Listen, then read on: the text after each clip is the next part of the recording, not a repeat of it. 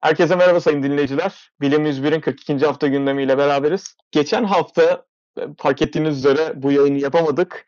Temel sebebini öğrenmek için e, Berk'e bir danışalım. Hoş geldin Berk. Herkese merhaba. Ee, zorlu bir birkaç gündü benim için hasta oldum. Hatta Covid'den yatırıldım. Ama çok ilginç bir şekilde Covid çıkmadı ve bu bende Covid'e immün olduğum düşüncesine itti beni. Çünkü hani mümkün değildi böyle hani ateş, işitme kaybı, tat kaybı, koku alma kaybı, e, C proteinine bağlı bir spike kanda, ondan sonra lekositlerle lenfositlerde azalma, e, akciğer filmi vesaire her şey COVID pozitif işaret ediyordu PCR hariç. Hemen PCR yapıldı ama hani COVID tedavisi olacak şekilde ilerlenecekti. Hani doktor ve ben hepimiz çok şaşırdık ve modern tıbbın kurtarıcısı Türkiye'de de bağımlılık haline gelmiş olan reçeteye bağlandığı için sevindiğim bir antibiyotik tedavisine geçince aslında bir anda ayaklandım ve düzeldim. O yüzden hani teşekkür etmemiz gerekiyor biraz hani şu anti vaksin ya da işte farmasötik şeyler kullanmayan bireyler oluyor böyle bunları promote eden. Yani ilaçlarınızı sadece doktorunuza danışarak kullanın. Kafanıza göre medikasyon almayın. Sosyal mesafenize dikkat edin benim gibi. Ben dikkat etmeme rağmen kaptım sanıyordum ama kapmamışım. Yayına başlayabiliriz. Söz sende Mustafa. Hasta olmamana açıkçası bayağı sevindim. Sen dediğin zaman böyle bir ufak yıkılma eşliğinde ne Covid mi olmuşsun emin misin falan demiştim. Gerçekten de olmaman gerçekten hani beni çok mutlu etti diyebilirim. Çünkü sen geçen hafta dedin bilmiyorum ben hasta olabilirim sen podcast yapmaya ne dersin falan diye. Tabii benim de sana bahsettiğim gibi podcastlerde ben de en az senin kadar eğleniyorum. Hani yalnız yapmayı istemiyorum o yüzden. Hemen bu haftanın ilk haberiyle iki haftalık geniş bir kapsamımız var çünkü. Hemen bahsedeyim. Şimdi teknolojinin güzel faydalarından bir tanesini e, yapay zeka ile birleştirince ortaya çok güzel şeyler çıkabiliyor. Bunlardan bir tanesi de dünyadaki uyduların kullanımı ile alakalı. Biliyorsunuz artık neredeyse bir çöplüğümüz var dünyayı çevreleyen. Ve bu çöplük aslında uydu çöplüğü diyebiliriz. Ancak bu uyduların bizim e, günlük yaşantımızda çok fazla faydaları var. Bunlardan bir tanesi de bu uyduların artık dünyanın her tarafını görmeye başlaması. Elimizde o kadar fazla uydu var ki artık bir database oluşturabilmeye başlamışlar. Ve önce Afrika'dan başlayarak dünyadaki bütün ağaçlık alanların çok yakın görüntülerini, adeta fotoğraflarını uydu üzerinden ya da videolarını almaya başlamışlar. Ve buradan şöyle sonuçlar çıkmaya başlamış. Dünyanın hangi bölgesinde ne tür ağaçlık alan var? İşte bu çalılık mıdır, yoğun orman mıdır, hangi tip ağaçlıktır, ee, bu ağaçlar kaç tanedir gibi sayılara erişebilmeye başladık. Şimdi bu aslında devasa bir data elde etmemize sebep oluyor ki bu çok da iyi bir şey. Çünkü şunu diyebiliyoruz eğer yeterli e, zeka ayrılırsa yani yeterli derecede bilgisayarlar ayrılırsa bu iş için e, dünyanın hangi bölgelerinde kaç adet ağaç var, hangi ülkede kaç ağaç var, dünyanın toplamında ne kadar ağaç var, toplam bu biyokütlesi ağaçların ya da yaprakların fotosentez e, yapan canlıların ne kadar şeklinde? Buna göre aslında güzel bir oran oluşturabiliriz ve e, ilerideki insan sayısının artmasıyla biz belki a, şu ülkeye şu kadar daha fazla ağaç gerekiyor ya da önümüzdeki 10 yıl içerisinde işte İstanbul'a 100 bin tane daha ağaç dikmemiz gerekiyor ki insanlar temiz bir hava sağlayabilsinler, sirkülasyon sağlayabilsinler diye datalar elde etmeye başlayabiliriz gibi gördüm. Ayrıyeten bu olay birazcık daha ileri giderse yani bu e, imaging dediğimiz görüntüleme kısmı birazcık daha ileriye giderse dünyadaki hangi ağaçlık bölgede hangi türler var ve bu türler işte e, başka nerelerde bulunuyor yoksa o bölgelerin endemik mi gibi devasa bir dataya sahip olabiliriz. E, güzel bir bilim ve teknolojinin birleşimi olarak düşünüyorum. Bu haber şimdilik çok iyi bir potansiyel sunuyor diyebilirim. Tabii ki çevremizi koruyamıyorsak ağaçları ve yeşillik alanları en azından elimizdekileri en verimli nasıl kullanabiliriz artık ona bakmamız gerekiyor. O yüzden kaynaklarımızı e, nasıl desem dijital olarak bir döküme aktarmalıyız ki bazı hesaplamalar yapabilelim. Ben de bu haberi aktardık mı aktarmadık mı hatırlamıyorum ama hani belki duymuşsunuzdur sağdan soldan. ISS'te bir hava sızıntısı var. Son 1-2 aydır NASA bununla uğraşıyor. Hatta hala çözülmüş olan bir mesele değil ama e, Rus kozmonotlar galiba bu sızıntının kaynağını keşfetmiş olabilirler. Çünkü hani ISS'te bir hava sızıntısı olması dediğim gibi çok büyük bir sorun ve birkaç aydır devam ediyor bu problem. Çözüme ulaştırılamadı. Ee, şöyle ki kozmonot Aletovi Ivanish'in e, sıfır yer çekiminde e, küçük bir kendi çapında deney gerçekleştiriyor. E, bizim bu çay poşetleri vardır ya demlikli böyle sallarız böyle ipi vardır vesaire. E, bunları sıfır yer çekimine salıyorlar. Sıfır yer çekimini saldıktan sonra bu arada bunu Zvezda modülünde yapıyorlar. Tabii bu işlemi Zvezda modülünde gerçekleştirirken transfer kapaklarını kapatıyorlar ki diğer modüllerle herhangi bir etkileşim olmasın. Modül modül ilerliyorlar. Zvezda modülünde bu bir sürü çay paketini böyle sıfır yer çekiminde saldıktan sonra kamerayla e, böyle mikro hareketleri mikro çekimde, mikro ölçekte daha doğrusu algılayabilecek şekilde çay poşetlerinin hareketlerini kayda alıyorlar. Böylelikle aslında şu an daha küçük bir alana indirgemiş durumdalar. Hani hava sızıntısının hangi yönde ilerlediğini anlayabilmek için. Çünkü bildiğiniz gibi çay paketleri böyle hafiftir. Hani sallanır ama bu bizim gezegenimizde yer çekimindedir. Ama orada dışarıya doğru bir hava sızıntısı gerçekleştirdiği için modül içerisinde e, mikro ölçekte de olsa böyle hafif objeler o yöne doğru bir hareket gerçekleştirilebiliyor. Şu anlık için modül içerisinde küçük bir alana kadar indirgemiş durumdalar hava sızıntısının kaynağını. Ama spesifik yerini hala çözemediler. Ee, NASA'nın ve diğer oradaki astronotların çalışmaları devam ediyor. Sızıntının kaynağını hedeflemeye dair. Şimdi bahsetmek istediğim haberden önce aslında geçen hafta yanlış hatırlamıyorsam verilen Nobel ödülüyle alakalı belki senin de yorumunu almak istiyorum. CRISPR'a ödül verildi bir Nobel ödülü, Nobel Kimya Ödülü bu gen çalışmalarıyla alakalı olan CRISPR'a verildi. Sen açıklamak ister misin CRISPR'ın ne olduğunu hikayesiyle? Ee, hikayesiyle şöyle açıklayabilirim. Bence geç bile verildi. 2012'de bulundu diye hatırlıyorum CRISPR tekniği. Ee, basitçe düşünecek olursak iki tane kadın bulunuyor çalışmada. Ee, biri Emmanuel Charpentier, diğeri de Jennifer Doudna. E, ikisi de bakterisel şeyler çalışıyor ve bakterilerin onarım mekanizmalarını çalışıyorlar. Daha sonrasında böyle bakterilerin kendini onarırken işte hedef RNA'yı kullanarak DNA'daki bir yere gidip o bölgeyi kesip atan bir onarım mekanizması buluyorlar basitçe ve bunu yayınlıyorlar ama fark etmedikleri potansiyel şu ki bu mekanizma tüm DNA bazlı canlılarda kullanılabilir ve aslında bilgisayarınızdaki bir Word hani yazı düzenleme programı gibi bizim ATGC kodumuzu bildiğiniz gibi kesip yerinden aldıktan sonra onun yerine başka bir şey koyabilir. Kestiği ucu birbirine yapıştırıp tamamen onu oradan kaldırabilir. Hani şimdi hatta yeni teknikler gelişti gen sürücüsü diye. CRISPR'ın içine CRISPR koyuyorsunuz. Daha sonra CRISPR o boşluğa kendi CRISPR'ını ekliyor. Şimdi nasıl anlatabilirim bilmiyorum ama bu sefer vücudunuzda kalıcı bir şekilde CRISPR bulunuyor ve sürekli dolanıyor. Ve e, %100 kalıtsallık sağlıyor bu. Daha önce ben bununla ilgili bir yerde sunum yapmıştım. Yani şöyle şimdi siz CRISPR'la vücudunuzdaki e, ne diyelim mavi gözgenini kaldırıp yeşil gözgeni koyabilirsiniz ama bu çocuğunuza aktarılmaz. Ama sizin vücudunuza CRISPR içine CRISPR içine konulmuş olan mavi gözgeni iç içe zip dosyası gibi düşünün. Vücudunuza CRISPR, CRISPR yerleştirdikten sonra o CRISPR aralıksız çalışıyor ve üretilen e, ne denir bunu? Somatik hücreleriniz değil de üreme hücrelerinizde bile bu buluyor çünkü sürekli ileri geri ileri geri bir gen, genlerinizde tarama yapıyor. Hani aslında vücudunuzda doğal olarak CRISPR bulunuyor. Hani bu tarz seviyelere kadar gelmiş durumda ve %100 kalıtsallık sağlayabiliyor ve bunu böyle çok zenginlerden aslında 100-150 dolara ulaşabileceğiniz seviyelere indiriyor. O yüzden çok çok önemli bir çalışma. Hepimiz bunun adını duyacağız ki duyuyoruz. Zamanında Mustafa bunun haberini sunmuştu yine aynı şekilde Çin'de tasarlanmış bebekler doğmuştu diye. Yine orada da bu teknoloji kullanılmıştı. Yani önü çok açık. CRISPR aslında bizim biyoloji okuyan öğrenciler arasında da oldukça bilinen bir e, gen mühendislik yöntemi diyebiliriz. Ancak ileride de insanların yani genel toplum, komün halkında daha çok bileceği haberlerden e, bilimsel yöntemlerden bir tanesi olacak diye düşünüyorum. E, şimdi bahsetmek istediğim haber aslında görünce benim dikkatimi çekmesinin temel nedeni geçen hafta girdiğim bir sınavla alakalı. Ben geçen hafta belki de bildiği üzere bir TOEFL sınavına girdim. İngilizce muafiyet sınavı olarak geçiyor. E, bu sınavda benim önüme gelen sorulardan bir tanesi de super conductivity yani süper iletkenlikle alakalı bir şeydi.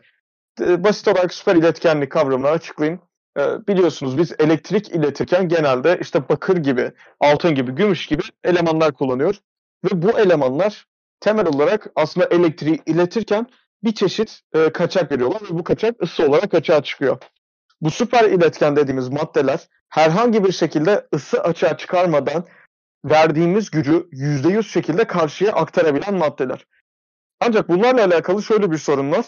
Bu maddeler bu mutlak sıfır noktası dediğimiz eksi 273 Celsius'a yakın bir aralıkta ancak çalışabiliyorlar ve bunların günlük hayatımıza e, uygulanabilirliği oldukça düşük oluyor haliyle. Çünkü eksi 273 dereceyi e, laboratuvar harici bir ortamda yaratabilmek oldukça zor ki laboratuvar ortamlarında da yaratabilmek çok çok kolay değil. Çünkü yani bu noktanın altına daha da inemiyorsunuz. Bu tüm atomların durduğu bir nokta. Şimdi bununla alakalı e, tabii ısıyı e, nasıl değiştirebiliriz, basınçla değiştirebiliriz gibi kavramlar vardı. Şimdiye kadar insanlar işte süper iletkenlik kavramıyla alakalı hala çalışıyorlardı. Ancak işte e, düzgün çalışan, birazcık daha yüksek basınç noktalarında süper iletkenlik yapabilen ancak yine de eksi 100 gibi e, derecelerde çalışmayı gerektiren yani günlük pratik koşulları çok da uygun olmayan e, şekillerde elemanlar bulmuşlardı. Ta ki işte birkaç hafta öncesine kadar daha yeni yayınlandı aslında bunun da çalışması. Almanya'da bir tane laboratuvarda artı 15 derecede çalışabilen süper iletken bir madde keşfedildi.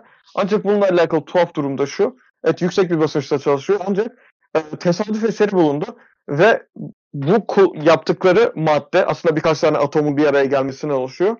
Hala net olarak e, kompozisyonunu bulabilmiş değiller. Ellerinde bir madde var. Şu anda daha ince ayarda bunu nasıl yaptıklarını tekrardan bulmaya çalışıyorlar. Ki bunu yapabilirlerse e, artık 15 derece oldukça uygulanabilir bir e, ısı olacak günümüz koşullarına. Yani ufak bir klima konularak gerekirse ya da e, soğuk ülkeler için hiç gerek duymadan bu maddeler, süper iletkenler oldukça yüksek verimlilikle yani bizim şu anda kullandığımız yöntemlerden yaklaşık %200, %300 daha verimli yöntemlerle elektrik iletebilmeyi sağlayacaklar. Süper kondüktörler zaten gününüzdeki aslında elinizde kullandığınız telefondan belki de bunu dinlediğiniz bilgisayar artık nasıl bir elektronik cihazda dinliyorsanız hepsinde kullanılan bir teknoloji. Evet baktığınızda çok ütopik bir çalışma, uzak bir çalışma gibi gelebiliyor aslında ama elimizin altında kullandığımız cihazlara kadar aslında gerekli iletkenlik.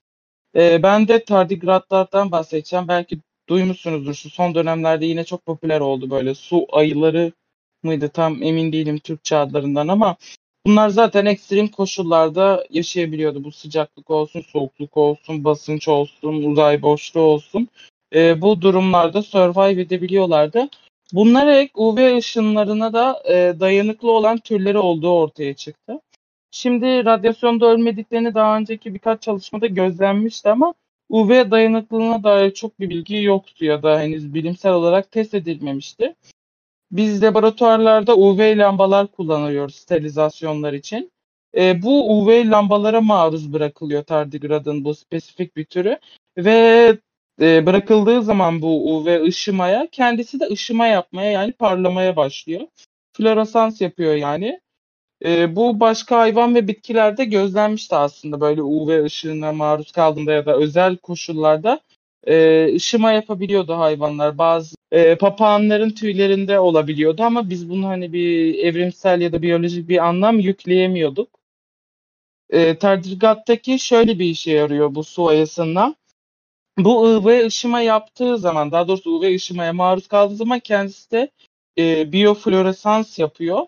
Ve bu yaptığı ışıma sayesinde e, absorbe edebiliyor ya da yansıtabiliyor UV ışığı ve bir saate kadar hiçbir zarar almadan normalde bakterileri, virüsleri ve her şeyi bizim aslında sterilize etmek için kullandığımız ortamda e, yaşayabildiği ortaya çıktı. Yine ilginç bir çalışma. Tardigrade e, familyalarından bazılarında bu özelliğin bulunduğu keşfedilmiş.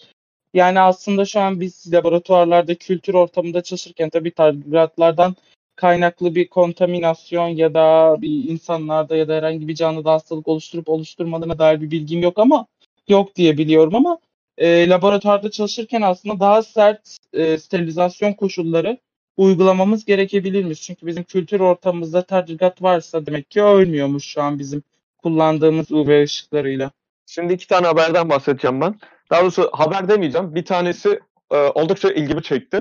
Ondan dolayı paylaşmak istiyorum. İçerisinde aslında bir e, yeni gelişmeye dair bir şey yok. Sadece bir gözlemimden bahsedeceğim. Ben bir biyoloji öğrencisi olarak bu benim dikkatimi çekti. E, sizlerle de paylaşmak istedim. Evrimsel e, boyutta bir e, co-evolüsyon yani beraber evrim geçirmiş bir ağaç ve böcek türünden bahsedeceğim burada. E, Ficus, Ficus microcarpa denen banyan ağacı olarak geçen bir incir türünden bahsedeceğim bu ağaçta.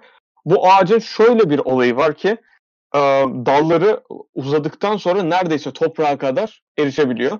Ve bu ağacın döllenmesinde e, sadece bir tane eşek arısı türü e, iş yapabiliyor. Yani bu ağaç ne rüzgarla döllenebiliyor, ne bir kelebekle döllenebiliyor, ne de bir arıyla döllenebiliyor.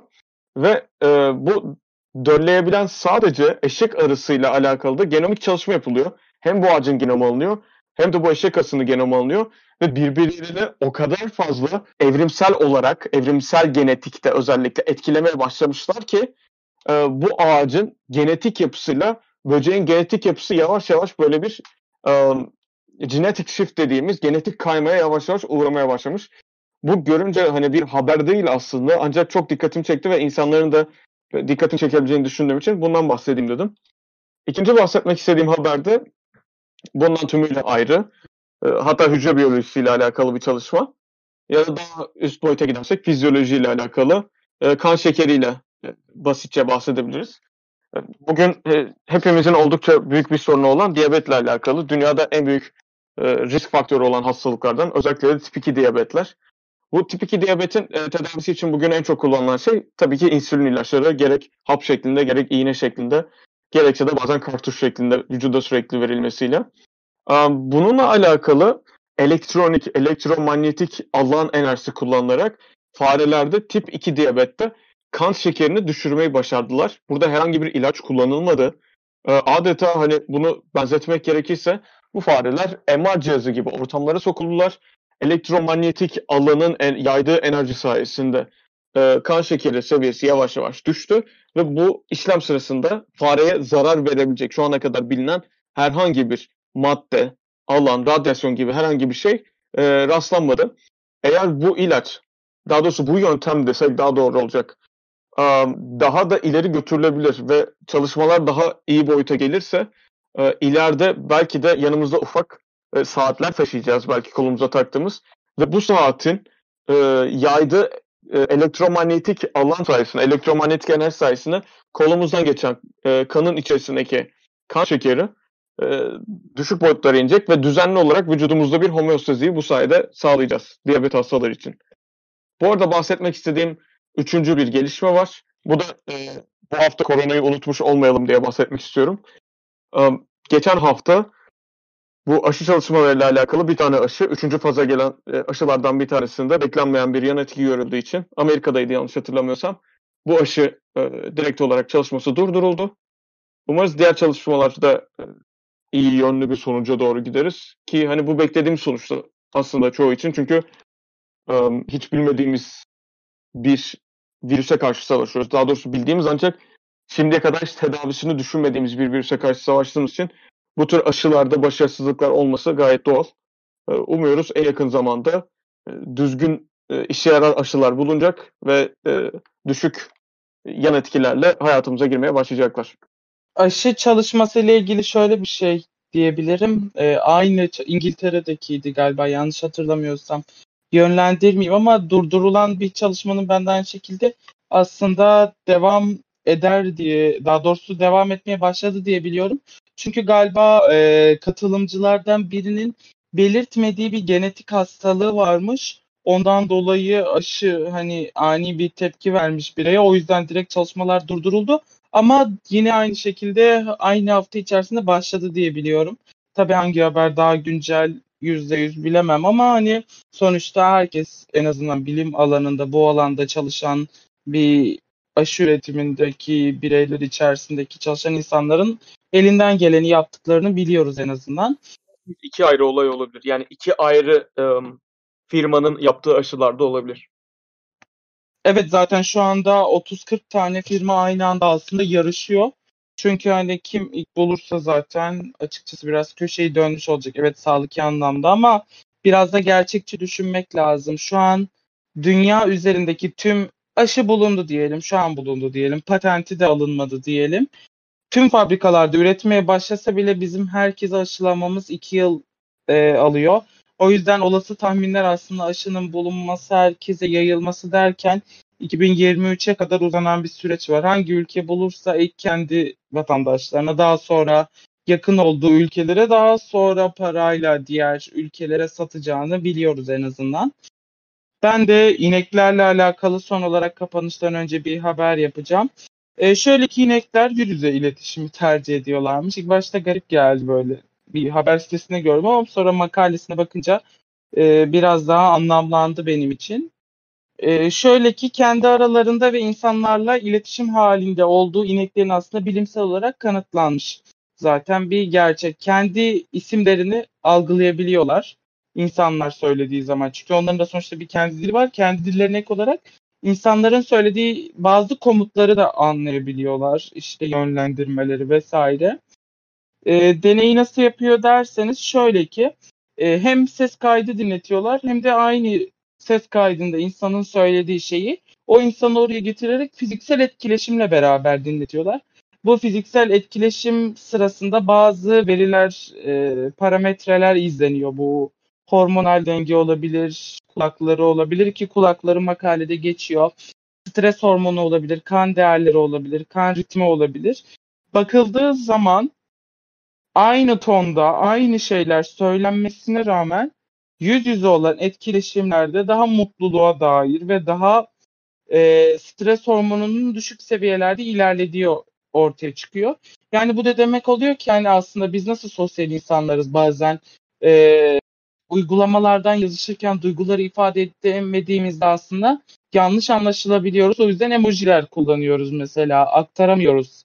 Sesli konuşurken de bu oluyor ama yüz yüze görüşmelerde mesela birine çok kızdığınızda yüz yüze gittiğinizde mesela aynı siniri koruyamayabiliyorsunuz. Hani yüzüne karşı aynı öfkeyle konuşamayabiliyorsunuz. Bu aslında bizim bu sosyal kompleks yapımız sadece bize özgü değil ineklerde de bulunuyormuş. Bu da ortaya çıkmış oldu. Ve böyle bir haberle 42. haftanın sonuna geldik.